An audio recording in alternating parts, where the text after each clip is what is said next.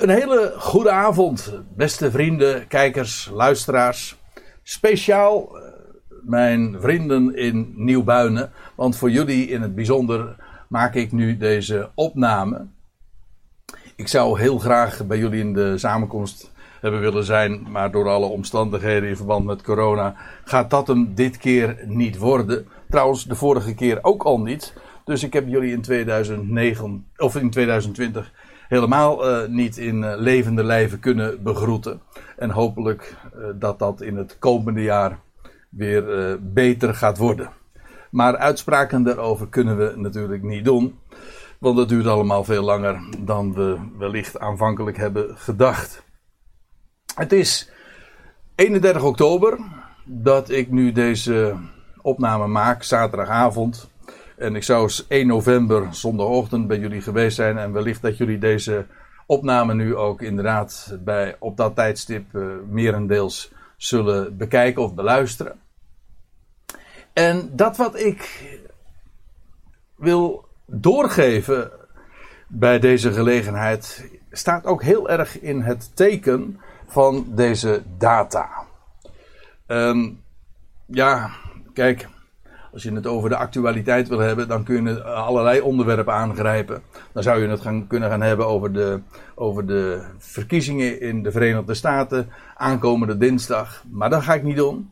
Ik wil wel iets anders uh, benadrukken of, en benaderen. En dat is uh, dat wat een paar eeuwen geleden plaatsvond op 31 oktober. Ook trouwens met het oog op 1 november. Want het was ooit in 1517, 31 oktober, dat Luther op de slotkapel van Wittenberg, op de deuren daarvan, uh, eh, 95 stellingen timmerde.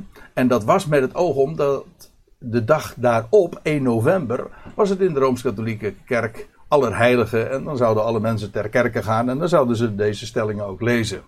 Dus uh, ja, ik houd dit nu ook 31 oktober. Ik timmer nu zeg maar aan de deur. En, uh, en 1 november uh, wordt dit vernomen. Dus uh, de symboliek gaat nog verder ook. Ik heb het als onderwerp, als titel meegegeven: Luther en Gods gerechtigheid.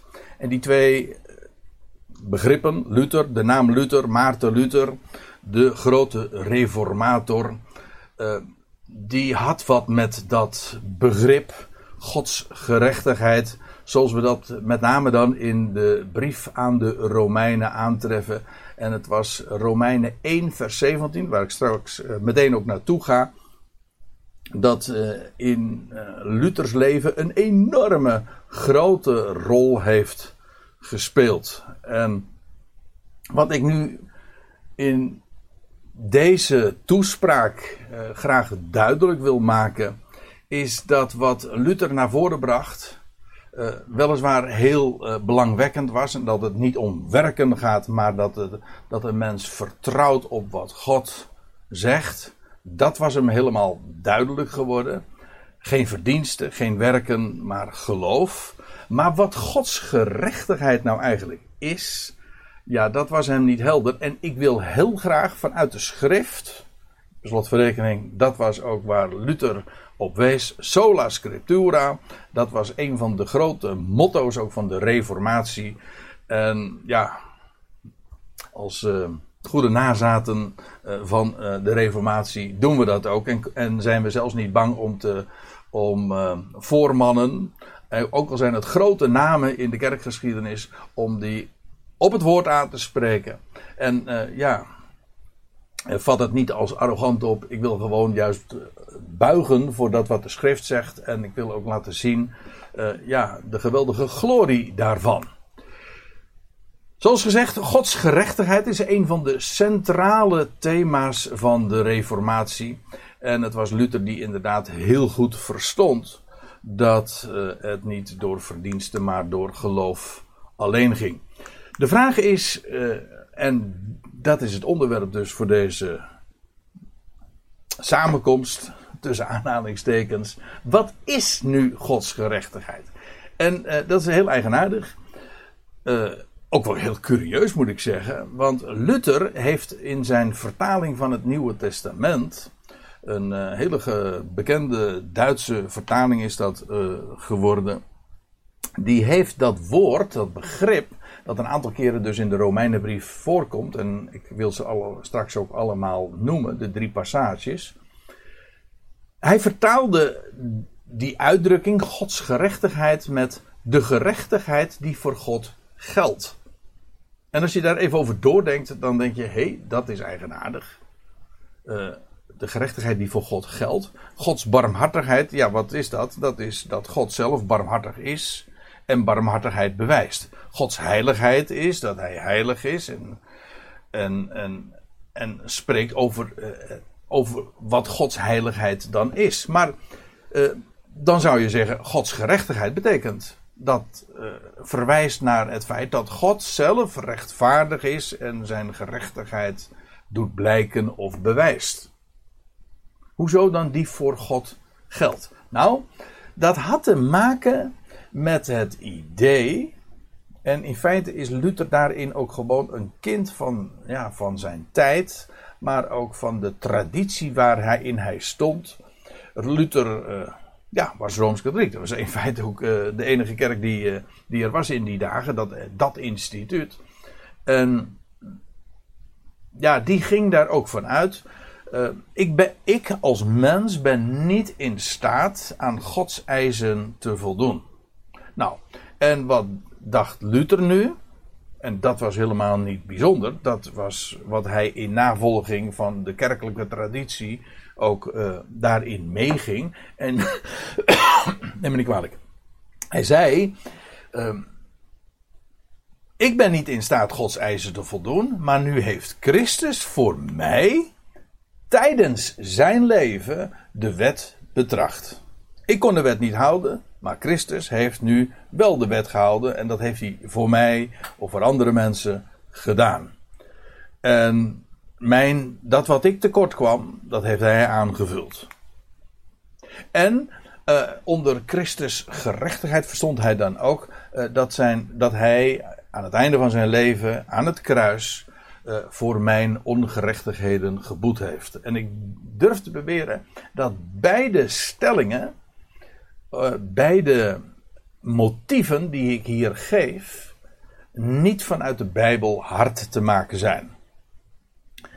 Gods uh, gerechtigheid, en dat wil ik graag in deze toespraak duidelijk maken, kort, bondig.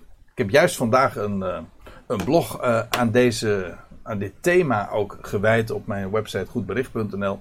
Dus als je daar wat meer en wat, wat gedetailleerder over wat wil weten, dan kan ik je aanbevelen om dat eens te lezen. En uiteraard te checken en te toetsen, maar daar ga ik op voorhand van uit. Ik bedoel, ik geef de dingen door en uh, het is aan de luisteraar om, net als destijds de Bereërs, na te gaan of dit inderdaad conform de schrift is. En nou, met die disclaimer wil ik dat graag dan ook hier naar voren brengen. Nou, ik wil graag vertellen dat, en duidelijk maken dat Gods gerechtigheid betekent. Ja, in, de eerste plaats, ik neem dat heel letterlijk. Gods gerechtigheid is niet een gerechtigheid die voor hem geldt. Nee, Gods gerechtigheid is dat Hij zelf rechtvaardig is, maar ook rechtvaardigheid bewijst. Hij doet recht. En wel recht aan zijn belofte. Gods gerechtigheid betekent niet dat hij uh, straft. Ook niet dat hij de straf op een ander legt. Hè, dat uh, Christus plaatsvervangend uh, de, onze straf heeft gedragen. Ik weet, dat zijn hele gangbare gedachten daarover. Maar ga het maar eens na in de Bijbel, dan zul je dat zo niet terugvinden. Nee, God doet recht aan zijn belofte. En dat is daarom een, een geweldige blijde tijding. Eh, dat, ja, wij zeggen al, uh, altijd, ja, wie, wie, belooft, ja, die is iets schuldig. Hè? Belofte maakt schuld. En, en God belooft. En als God zijn belofte vervult, ja, dan is dat een, een goed bericht, een blijde tijding. Dat is eigenlijk het evangelie. En Je, je, je ziet dat ook in, het, uh, in, in de Hebreeuwse Bijbel, ons Oude Testament, dat heel vaak, uh, met name dan in de psalmen, jubelend gesproken wordt over Gods gerechtigheid. Ja, waarom? Ja, God doet recht aan, aan, aan zijn woord. Als hij iets voorzegt, ja, dan, dan laat hij het ook gebeuren, dan vervult hij dat. Wel, dat is Gods gerechtigheid. Hij doet recht aan zijn belofte. En hier specifiek over zijn belofte de Christus te geven en de Christus ook op te wekken uit de doden. Dat is, dat is zijn daad. Het gaat niet om wat Christus verdiend heeft tijdens zijn leven, ook niet aan het kruis. Uh, ik bedoel, uh, dat is uh, buitengewoon belangrijk. Ik bedoel dat Jezus Christus onberispelijk gewandeld heeft en, en al zodanig ook als het lam Gods volmaakt stierf dat is, uh, dat is geen schuldbetaling, maar dat is de prijs die hij betaalde. Waarom? Om te kunnen. Om de dood te kunnen overwinnen. Om opgewekt te worden uit de doden. Wel, dat is ook wat God had beloofd in, in de schriften, in de wet, in de profeten. En dat de Messias zou komen, maar dat hij hem ook zou doen opstaan uit de doden. En kijk het maar na in het boek Handelingen. De Petrus en Paulus, ze worden niet moe om dat, om de, om de om de geschriften van de profeten te openen en de psalmen te laten spreken en te, aan te tonen. Dat is wat voorzegd is. God heeft zijn zoon, God heeft de beloofde Messias opgewekt uit de doden. En daarmee ook nieuw leven aan het licht gebracht. Een nieuw leven dat volmaakt is. En in hem en in dat leven ja, is, worden wij ook werkelijk concreet rechtvaardig. En zo ziet God ons nu al aan. Eh, in, in die volmaaktheid van dat nieuwe, volmaakte, eindeloze leven. Dat hij aan het licht bracht in de eersteling die uit de doden werd opgewekt. Dat is een hele mond vol, dat weet ik. Maar uh, deze drie punten, ik denk dat het buitengewoon belangrijk is. En ik wil het ook aan de hand van de drie passages waarin Paulus in de Romeinenbrief spreekt over de gerechtigheid van God, of Gods rechtvaardigheid, dat is, uh, dat is hetzelfde. De ene vertaling spreekt over rechtvaardigheid en de andere over gerechtigheid. Je zou erover kunnen discussiëren of het wel helemaal exact hetzelfde is. Maar dat, uh, dat parkeer ik gewoon nu even. Ik ga er gemakshalve even van uit en dat die begrippen ongeveer uh, inwisselbaar zijn. Maar dit is dus uh, wat ik graag uh, wil, wil duidelijk maken. God doet dus recht aan zijn belofte. Dat is zijn gerechtigheid. Als, hij zijn als Gods gerechtigheid openbaar wordt, dan wordt openbaar dat hij recht doet aan zijn belofte. Oftewel, dat wat hij tevoren gezegd heeft, vervult hij. En dat heeft hij gedaan, eerst en vooral in de opwekking van Christus. En dat is het fundament. Dat is uh, waar alles op gebaseerd is. En in hem is het nieuwe leven begonnen. En dat nieuwe leven, ja, dat, dat uh, krijgt een steeds wijdere uitbreiding. En breidt zich uiteindelijk uit naar de hele schepping. Nou, eerst naar Romeinen 1. Dat is de eerste passage waarin Paulus uh, die uitdrukking gebruikt. En Paulus zegt dan in vers 16: Ik schaam mij het evangelie niet. Of een sommige vertalingen die zeggen: Het evangelie beschaamt mij niet. Dat is een beetje een lastig uh, ding. Eerlijk gezegd, persoonlijk vind ik die weergave nog mooier. Maar uh, dat heeft te maken met het feit dat hier in het Grieks een, een, middenvorm gebruikt wordt. Wij zeggen iets is actief of het is passief, maar het Grieks kent nog een vorm, een middenvorm, een mediale, zoals dat met een deftig woord heet. En dit staat inderdaad in die, in die mediales. En dat wil zeggen, het is, het is passief en het is actief. Kijk, het evangelie beschaamt mij niet. hey, het is werkelijk een blijde tijdings dat vast en solide is. Maar omdat het mij niet beschaamt, schaam ik mij het evangelie niet. Dus het is, het is beide waar. Het is en passief en actief. Het begint trouwens met het feit dat uh, ik schaam mij het evangelie niet omdat het mij niet beschaamt. Dus dat, dat staat dan toch wel voorop. Nou, dan sla ik even een paar zinnetjes uh, over. En dan dan pak ik de raad weer op in vers 17. Waarin Paulus dan uitleg geeft van ja, waarom uh, het evangelie hem niet beschaamt. En waarom hij zich daar uh, voor dat evangelie niet schaamt. Wel, hij zegt, want gerechtigheid Gods wordt daarin, namelijk in het evangelie, geopenbaard. Wij zouden misschien zeggen van ja, wat wordt in het evangelie geopenbaard? Dat is de liefde Gods. Dat is absoluut waar. Maar dat is niet wat hier staat. Er staat, Gods gerechtigheid wordt daarin geopenbaard. Kijk, en als je denkt in de termen van Gods gerechtigheid, dat was trouwens ook de worsteling van Luther, uh, in de termen van straf en van oordeel, Gods, uh, als God zijn gerechtigheid openbaart over de zonde en over, over het mensdom, uh, dat faalt en tekort komt, ja, dan, dan schr, sch, hoe zeg je dat? Dan schrompel je in één, want ja, waar, waar ben je dan? Maar Gods gerechtigheid dat is niet, uh, dat inderdaad, die komt uit, uh, tot uitdrukking in, in, dat, in het feit dat hij straft. Dat ontken ik niet. Maar het het, hier gaat het om het evangelie, waarin Gods gerechtigheid wordt op, geopenbaard. En dat betekent, in die, het is een blijde tijding, een goed bericht. Waarom? Omdat daarin geopenbaard wordt dat God recht doet. Aan wat? Wel aan dat wat hij tevoren heeft gezegd, oftewel aan zijn belofte. De zin loopt nog door, maar vanwege de tijd laat ik dat hier eventjes rusten. Het gaat mij nu even vooral uh, uh, in het bijzonder om die, om die term de gerechtigheid Gods. Oké, nou dan gaan we naar de tweede passage waar de uitdrukking gebezigd wordt.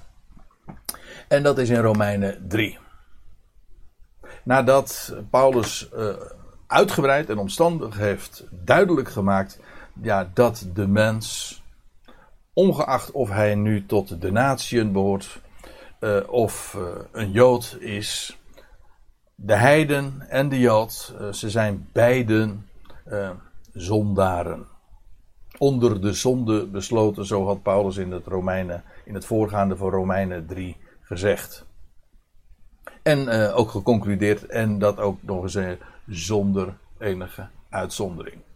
En dan, ja, krijg je in vers 21 van, van dit hoofdstuk, het vers wat, hier, wat ik hier nu voor me heb, uh, en wat je hier dus ziet. thans is echter, of maar nu, ik lees nu vooruit de MBG-vertaling, maar nu is los van wet. Ik heb expres de interlineair eronder gezet om, om ook te kunnen nagaan uh, hoe het er precies staat. Hè. Die eerste regel, die Griekse letters, ja, dat is zoals Paulus het heeft opgetekend. En die groene letters, die regel daaronder, dat is de meest letterlijke weergave, woord voor woord. En daaronder, in dat lichtgrijs, uh, is dan de weergave zoals dat in dit geval uh, van de NBG-vertaling. En waar het om gaat is dat nu, los van wet, gerechtigheid van God openbaar geworden is. Het is los van wet, maar de wet en de profeten getuigen er wel van. Eerst even dit. Eh, dat buiten de wet om wil zeggen, het staat los van enige menselijke prestatie. Daarom geloof ik ook niet om het even kort samen te vatten, dat uh, het feit dat uh, Christus de wet uh, volmaakt gehouden heeft. Hè, Christus is geboren onder de wet. En hij heeft als, als jongeman, heeft hij ook de wet vervuld. Dat wil zeggen, hij, hij leefde onder de wet. En gehoorzaamde de wet ook. Maar het is niet zo dat God die die gerechtigheid, die rechtvaardigheid van Jezus uh, op ons toepast of uh, uh, to ons toerekent, dat is sowieso een, een, een, gekke gedachte. Want als Jood ja, was, was hij ook verplicht, was hij gehouden de wet te houden. Dus dat is, het feit dat hij dat deed, dat, waarom zou dat een ander dan rechtvaardig maken? Afgezien van het feit trouwens dat, dat mensen uit de natieën, die waren nooit onder die wet. Maar het gaat ook niet om wat, uh, wat een mens doet, zelfs niet om wat in dit geval Jezus deed. Het gaat erom dat om wat Gods, uh, om, omdat Gods gerechtigheid geopenbaard is geworden. En dat is helemaal buiten de wet om. Los van enige menselijke prestatie. En dat betekent, God heeft nu, de tijd is nu gekomen. Dat, dat is wat er eh, uitgedrukt wordt ook in dat woordje thans. Nu, in tegenstelling tot alle menselijke onrechtvaardigheid, is er nu Gods rechtvaardigheid. Want u weet het, de menselijke ontrouw, dat doet Gods trouw niet en niet. De mens kan er een potje van maken en het helemaal verprutsen. God houdt zijn woord. Wel nu, en hij heeft gezegd de Messias zou komen. Hij heeft gezegd waar die zou komen. Hij heeft gezegd hoe dat zou gaan. Maar hij heeft ook zelfs gezegd wanneer het zou zijn.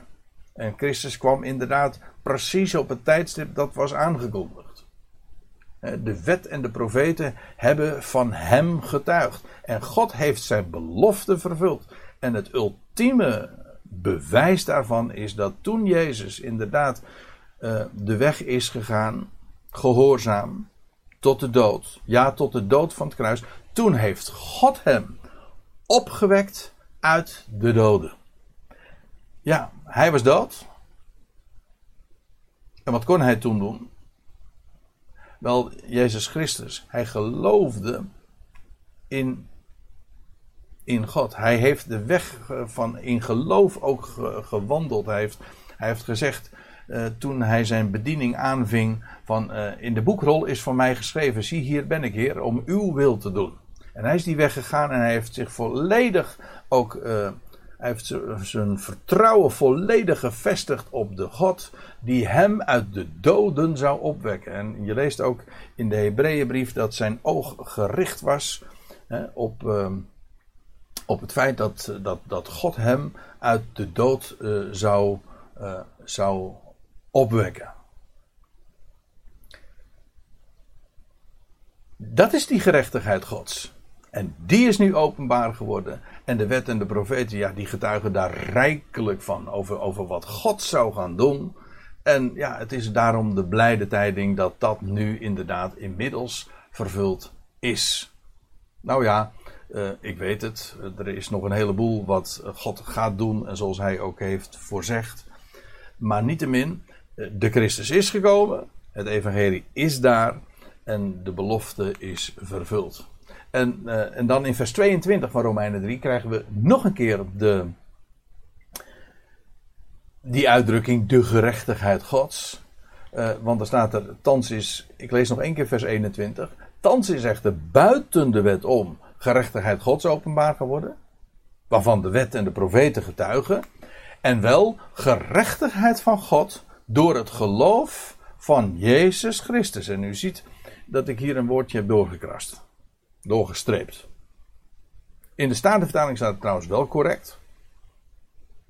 Maar in de NBG-vertaling en de... Neem me niet kwalijk. In de meeste moderne vertalingen uh, staat hier in plaats van van in. En dat is zo jammer ook heel fout. Het staat gewoon in de genitief, een tweede naamval, en dan staat het geloof van Jezus Christus. En ja, nou dat is precies ook waar ik uh, net op doelde. Uh, Jezus Christus, hij geloofde dat God recht zou doen aan wat hij beloofd had. En, en daarom is hij ook die weg gegaan. Hij heeft zijn oog gericht op, uh, op het einddoel. En, en God zou hem opwekken uit de doden. Dat is dat geloof van Jezus Christus. Namelijk, hij geloofde, God gaat recht doen aan zijn woord. Ja, en dan staat er voor allen die geloven, want er is geen onderscheid. Ja, het, gaat, het komt tot allen. Heel het mensdom, ik zal dat ook in het volgende vers laten zien. En, eh, en hoe komt het wel tot allen? Wel, door geloof. Dat is altijd uh, de, de, het kanaal waardoor de zegen uh, tot een mens komt. Niet de, de basis is Gods genade. Het is uit genade. En ook op grond van genade. Maar het is door geloof. Geloof is de weg waardoor het evangelie tot ons komt. Trouwens, dat is ook, uh, ik heb het niet laten zien in, uh, in een diaatje, maar in Romeinen 1 lees je dat ook, dat uh, het, evangelie een, het evangelie is een kracht gods tot redding voor een ieder die gelooft. Ja, wanneer ho, of hoe komt die boodschap van redding tot een mens? Wel, doordat je die blijde tijding hoort. Ja, en door geloof gaat het zijn werk in een mensenleven doen. Door daar amen op te zeggen. Dat is altijd nog uh, de wijze waarop het woord tot een mens komt. Maar daarmee ook de rijkdom. Er staat in, in Romeinen 10, waar we straks trouwens nog even naartoe gaan. Er staat een prachtige tekst. Ook dat hij, hij is Heer van allen. Romeinen 10, vers 10 of 11 en 12. Daar staat: Hij is Heer van allen. Dat wil zeggen, allen zijn zijn eigendom.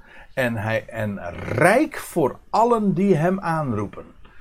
En ja, dat is de wijze waarop, uh, waarop de zegen tot de mens komt. En het geweldige is trouwens, er komt een moment dat heel de wereld, ieder creatuur, elke mond dat ook uh, zal gaan doen. En zal zeggen, Jezus, Hij is Heer. Tot eer van God de Vader. En het is een geweldig voorrecht als je, als je dat nu al mag doen. Als je ogen daarvoor geopend zijn. Ja, want dat is ook zijn werk. Als hij jouw hart heeft aangeraakt. Dat is allemaal zijn werk. En dat is uh, een geweldig voorrecht. Maar het, het geweldige is. Uh, dat wordt het deel van, van heel de mensheid. Van ieder creatuur. Paulus zegt in de Filipijnse brief. En die in de hemelen zijn de hemelsen, degenen die op de aarde zijn, die onder de aarde zijn. Kortom, ieder creatuur zal dat tot eer van God gaan, gaan roepen en beleiden. Er is geen onderscheid, want staat er dan in vers 23. Allen hebben gezondigd. Nou, dat was eigenlijk al een, het onderwerp van de voorgaande twee hoofdstukken. Waarin Paulus dat heel uitgebreid en gedetailleerd eh, betoogd heeft. Dat alle mensen zijn ja, Adamieten. En daarom lopen ze met de dood in de schoenen. Ze zijn doelmissers. Dat is wat zonde ook betekent. Hè? Doelmissen. Allen hebben gezondigd. En dat is inderdaad zonder uitzondering. Er is niemand die rechtvaardig is. Dat is trouwens ook Romeinen 3, een paar versen eerder. Er is niemand die rechtvaardig is van zichzelf. En er staat er nog achter, zelfs niet één. Met andere woorden, dat allen hier is heel letterlijk. Het is inderdaad uh, iedereen, elk mensenkind, zonder enige uitzondering. Allen zondigden en derven de heerlijkheid Gods. Derven, u ziet het ook in de interlineair, letterlijk staat er, um, ze, ze hebben tekort. Het gaat er eigenlijk ook niet om hoeveel je tekort komt. Maar je, je schiet tekort. Elk mens uh, schiet tekort. Aan wat? Wel aan de heerlijkheid Gods. En daar is geen uitzondering op. En, maar, maar lees nu verder, want je zou kunnen zeggen: ja, dit vers 23, dat, is, dat tekent onze hopeloze positie. Eh, we, we zijn zondaren, we zijn doelmissers, we zijn stervelingen en we derven de heerlijkheid Gods ja, we zijn armzalig. We komen, we komen er net niet. Of, of lang niet, maar ja, wat maakt het uit? Ja, dat is wat we van, uh, van huis uit, als afstammelingen van Adam zijn en hebben. En dat is onze positie. Alle hebben gezondigd en schieten tekort van Gods heerlijkheid. Maar let op wat er dan staat en worden om niet gerechtvaardigd. Om niet. Zonder enige verdiensten. En als dat om niet nog niet duidelijk zou zijn, dan wordt dat uh, bevestigd in die volgende regel. Uit zijn genade.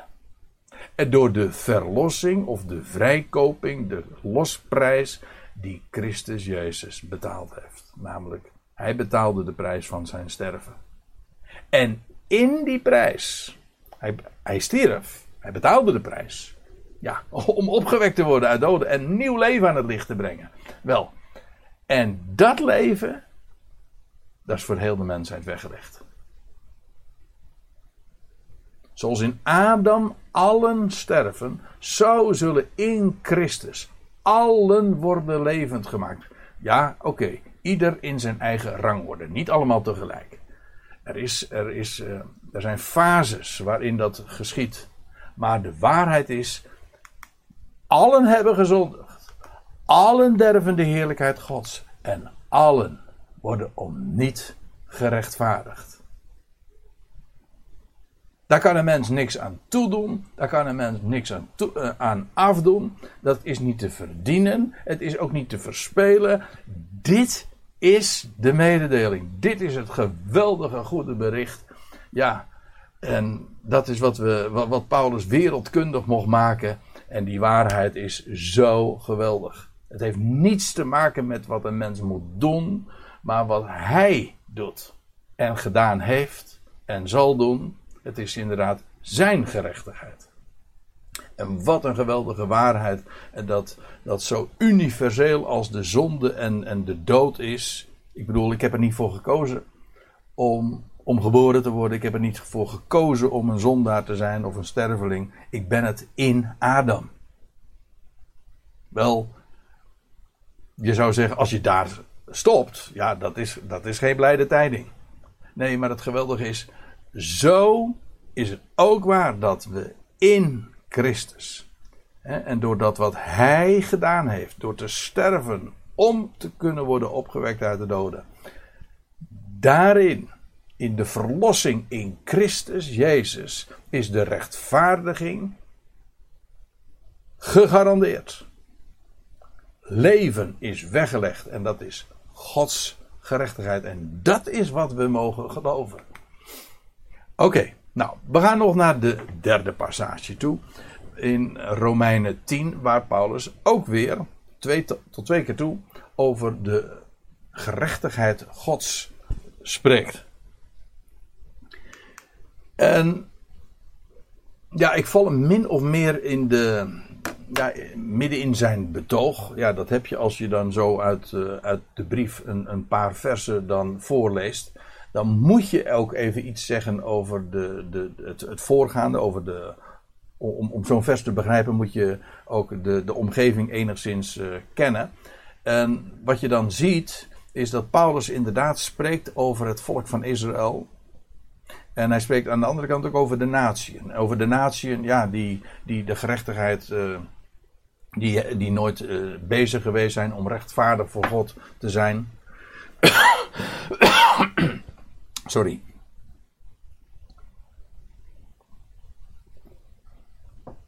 En, en uh, in het voorgaande maakt hij dan ook duidelijk van ja, Israël is daar wel mee bezig geweest.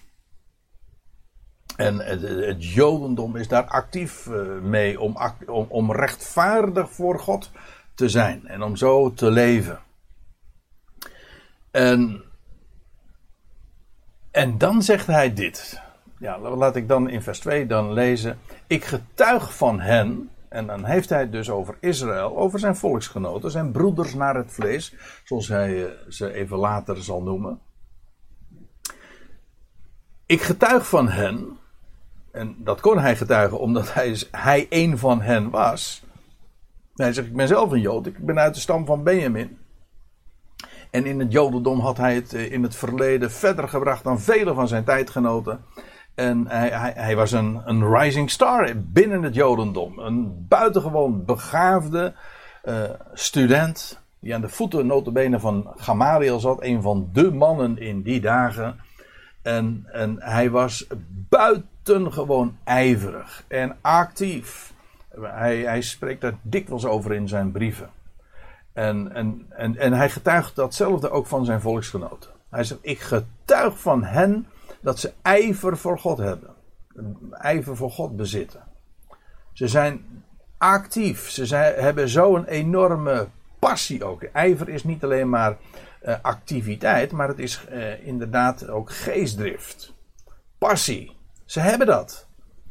En ja, dat is een, dat is een geweldige eigenschap.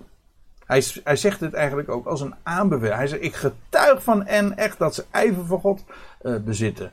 Ze zijn daar zo serieus, dag en nacht, altijd mee bezig.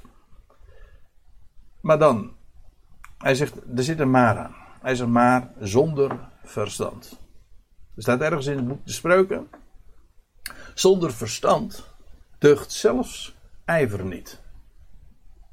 Je kunt jakkeren, je kunt je best doen, je kunt de, de benen uit je gat uh, lopen voor iets. Ja, maar als je niet weet waar je mee bezig bent, dan heeft al die ijver is dan zinloos. Het is gewoon ijdel. Je bent dan wel heel druk. Uh, zoals heel veel mensen altijd maar druk zijn en van alles mee, mee bezig zijn, maar het, het stelt niks voor, het heeft geen inhoud. Wel, religieus is dat ook zo. En Paulus zegt dit van, van, van zijn, zijn orthodoxe Joodse volksgenoten. Moet je je voorstellen. Waar hij met zoveel achting ook toch over spreekt. Hij zegt. En ik weet dat voor, sommige mensen is dat misschien erg pijnlijk als ik dat zo zeg. Maar uh, het Jodendom heeft de reputatie van dat ze zoveel uh, verstaan van, van, van de wet. En Paulus zegt: nee. Ze kunnen er misschien heel veel over zeggen. En ik wil dat absoluut niet wegpoetsen. Maar de essentie, waar het werkelijk om gaat, begrijpen ze niet. Paulus zegt het gewoon uh, als, als, als rabbi of als ex-rabbi, zo u wilt. Hij zegt ze hebben geen verstand ervan. Of letterlijk staat er trouwens epignosis. Dat, is nog, dat gaat nog wat verder dan verstand. Dat, gaat, dat is uh, gnosis, dat is het woordje uh, kennis. Epi, is een voorzetsel, dat betekent uh, er bovenop. Het is eigenlijk, je hebt kennis. En, en epignose is wat de kennis te boven gaat. Wat gebaseerd is op kennis. En dat, het, het, woord wat dat het beste in het Nederlands weergeeft, als, als je mij vraagt, is besef. Of realisatie. Je kunt iets weten, iets kennen. Ja, maar er is iets wat daar bovenuit gaat en dat is dat je het ook beseft. Je kunt dingen weten zonder het te beseffen. Omgekeerd kan niet. Je kan niet iets beseffen zonder het te weten. Maar besef gaat, is hoger. En ze zegt, zij hebben geen besef van wie God is. En ik, lees even door in vers 3. Uh, eh, want onbekend. Hier staat trouwens eigenlijk uh, zoiets als uh, agnostisch. Dat is eigenlijk ook een Grieks woord. ze zijn onbekend met Gods gerechtigheid. Waar het eigenlijk allemaal om gaat. Zij denken uh, dat het om hun eigen gerechtigheid gaat. Maar hier weer, ze zijn onbekend met Gods gerechtigheid. En, wat, en ja, je zou dat ook in het verband moeten bezien. Ik heb nu. Uh, ik neem nu niet even de tijd om dat ook aan te tonen. Maar ook hier is het weer: God heeft recht gedaan aan zijn belofte. Er staat in een paar versen eerder. Uh, dan lees je dat, dat God in Zion een steen heeft neergelegd. Ja, het is een steen van aanstoot geworden. Maar dan gaat het juist ook over de, over de, de, de steen, de rots, de Christus en, en, en het feit dat hij is opgewekt uit de dood. En dat is het fundament. Ja, en als je daarop bouwt, bouwt op wat hij gesproken heeft en wat hij gedaan heeft, ja, dan daar kom je nooit beschaamd mee uit. Hè? Ik zei het al, de evangelie beschaamt je niet. Maar uh, wie op hem zijn vertrouwen stelt, zal niet beschaamd worden. En wie zijn vertrouwen stelt op wat God gesproken heeft, ja, dat, dat, dat beschaamt niet. En, en, en wat Paulus ook, ook zegt, hè, en het was voor hem ook een voortdurend hartzeer dat zijn volksgenoten uh, zo afwijzend uh, tegenover die boodschap stonden. En nu, was de Messias gekomen, degene naar wie zo uitgekeken werd, en ze hebben hem niet herkend. Niet alleen maar omdat ze hem hebben gekruisigd, maar ook daarna. Hè, nadat God hem even uit de doden heeft opgewekt, hè, is hij gepredikt eh, in Jeruzalem, in de synagoge. Niet alleen in het land, maar ook buiten het land. En ja, in het algemeen, vrijwel overal uh, ging de deur dicht voor deze boodschap en men moest daar niks van hebben. Onbekend met Gods gerechtigheid. Bijbelgetrouw, ze hadden de schriften. Ze waren zeer actief. Ja. Maar ze waren onbekend met Gods gerechtigheid. En dan staat erachter en trachtende, of letterlijk zoekende, hun eigen gerechtigheid te doen gelden. Kijk, dat was, is, dat was hun ijver. Ze waren altijd maar bezig om rechtvaardig voor God te zijn. Ze probeerden voortdurend. En dat is eigenlijk ook wat, wat religie in het algemeen is. Proberen iets voor God te betekenen. Ja. ja ze trachtende hun eigen gerechtigheid te doen gelden. En ja, maar wat was nou het probleem? Wel, zij hebben zich aan de gerechtigheid Gods niet onderschikt.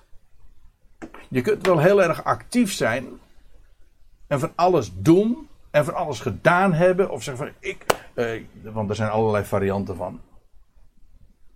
In elke religie, ook in de christelijke religie, want er is ook zo'n religie, net als het Jodendom, die allerlei dingen meent te moeten doen. En ook evangelisch kan ook een religie zijn. Dan krijg je, uh, ja, maar ik heb voor Jezus gekozen. Dan is het weer een eigen werk. Lieve mensen, er valt niks te verdienen. God heeft alles gedaan. En dat is de Gods gerechtigheid. En ik weet, de standaard, de reactie daarop is altijd: ja, maar dat is maar makkelijk. Dat is, dat is maar makkelijk. Als God alles gedaan heeft. Hij heeft gegeven. Hij heeft zijn belofte vervuld. En God zegt nu: alsjeblieft. Ja, geloof zegt: dank u wel. Geweldig. Daarop kunnen, kan ik staan. Daarop. Ja. Kan ik werkelijk rust vinden. En vreugde. Nee, maar. Uh, uh, ik zal u dit vertellen: de godsdienstige mens en de mens in het algemeen wil dat niet, die wil dat zelf doen. Die denkt daar iets aan te moeten kunnen bijdragen. Trachtende hun eigen gerechtigheid te, te, te doen gelden. Maar het is of het een of het ander. Of God doet alles. Ja, of hij doet dat niet. Maar dan moet je het zelf dus doen. En het is één of het een of het ander. En wel, hier wordt uh, dat door Paulus over het Jodendom gezegd en over zijn Joodse volksgenoten. Ze zijn onbekend met Gods gerechtigheid. En de geweldige waarheid is dat, dat de, de, en dat is nu in 2020 nog niet anders, dat we wijzen op, op wat God gesproken heeft. Zijn belofte die hij vervuld heeft. En in Christus is er nieuw leven aan het licht gebracht. En dat is het, is het, uh, wat, wat bestemd is voor, heel de mensheid. Zonder onderscheid. Alle zondigen. Alle derven de heerlijkheid Gods. En ze worden allemaal om niet gerechtvaardigd uit zijn genade. Er is geen grotere, geen rijkere boodschap dan dat. Ja, dat is Gods gerechtigheid. En je gelooft het. Ja, of je gelooft het niet. En als je niet gelooft, ja, dan moet het dus uh, de mens weer van alles doen. Maar ja, dan ben je dus uh, onbekend met Gods gerechtigheid. Nou, dat zijn zo de drie passages die ik uh, van vanmorgen of vanavond, net hoe je het hebben wil, voor uw aandacht wilde brengen. Zo, deze 31 oktober, ik had het ook gewoon op een hele andere datum kunnen, kunnen vertellen. Maar het leek mij een hele mooie gelegenheid zo. Uh, op deze wisseling van de maanden oktober, november. Om, om hier op te wijzen. Op de geweldige waarheid dat God zijn belofte vervuld heeft. En dat alles van hem afhangt. Dat hij alles gedaan heeft.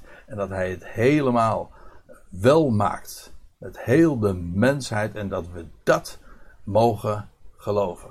Nou, die rijkdom die uh, is zo onuitputtelijk, zo groot. En, en ja, ik kan niet anders dan uh, ja, daarvan spreken. Maar ook uh, hopen en bidden dat daar nog zoveel ogen voor geopend worden. En ik, en ik heb nog iets, en daarmee wil ik afsluiten. Het geweldige is, en ik herhaal nu wat ik gezegd heb.